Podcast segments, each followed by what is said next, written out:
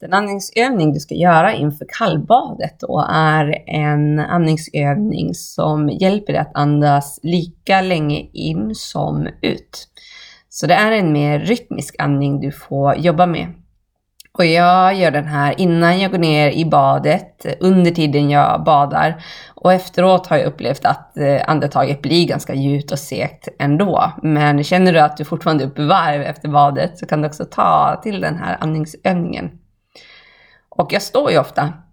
Så du får gärna stå och öva den här övningen för kroppen reagerar lite olika när du sitter, ligger eller står när du andas. Så ställ dig bekvämt. Ta en extra djup inandning.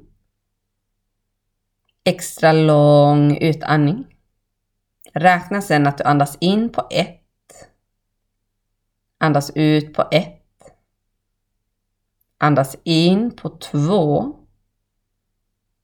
Andas ut på två. Andas in på tre. Andas ut på tre.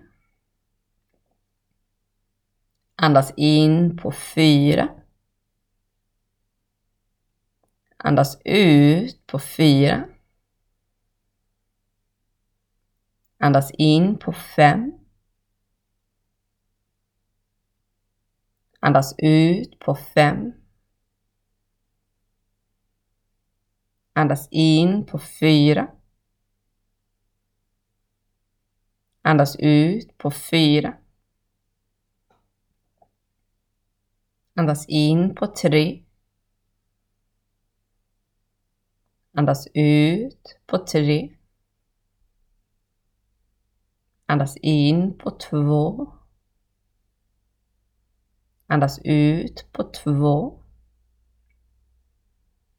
Andas in på ett. Andas ut på ett. Det du kan göra nu är att märka av ifall det är någon skillnad i andetaget. Hur det känns när du andas. Hur det känns i kroppen. Och ibland så kan man tycka att räkningen upp till fem blir ganska länge och då kan man sluta med fyra. Så hitta den längd som passar dig och kändes fem alldeles för kort så kan du upp till sex, sju till och med. Så det hela går ut på att du andas och så förflyttar du dig successivt uppåt, att det blir längre och längre och sen successivt neråt. Och räkningen är egentligen till för att du ska ha någonting att fokusera på, något att lägga din uppmärksamhet på. Så prova den här andningen både inför ditt bad och när du är i badet. Du kommer definitivt behöva det i det iskalla vattnet för att få fokus och för att lugna ner andningen. Så lycka till!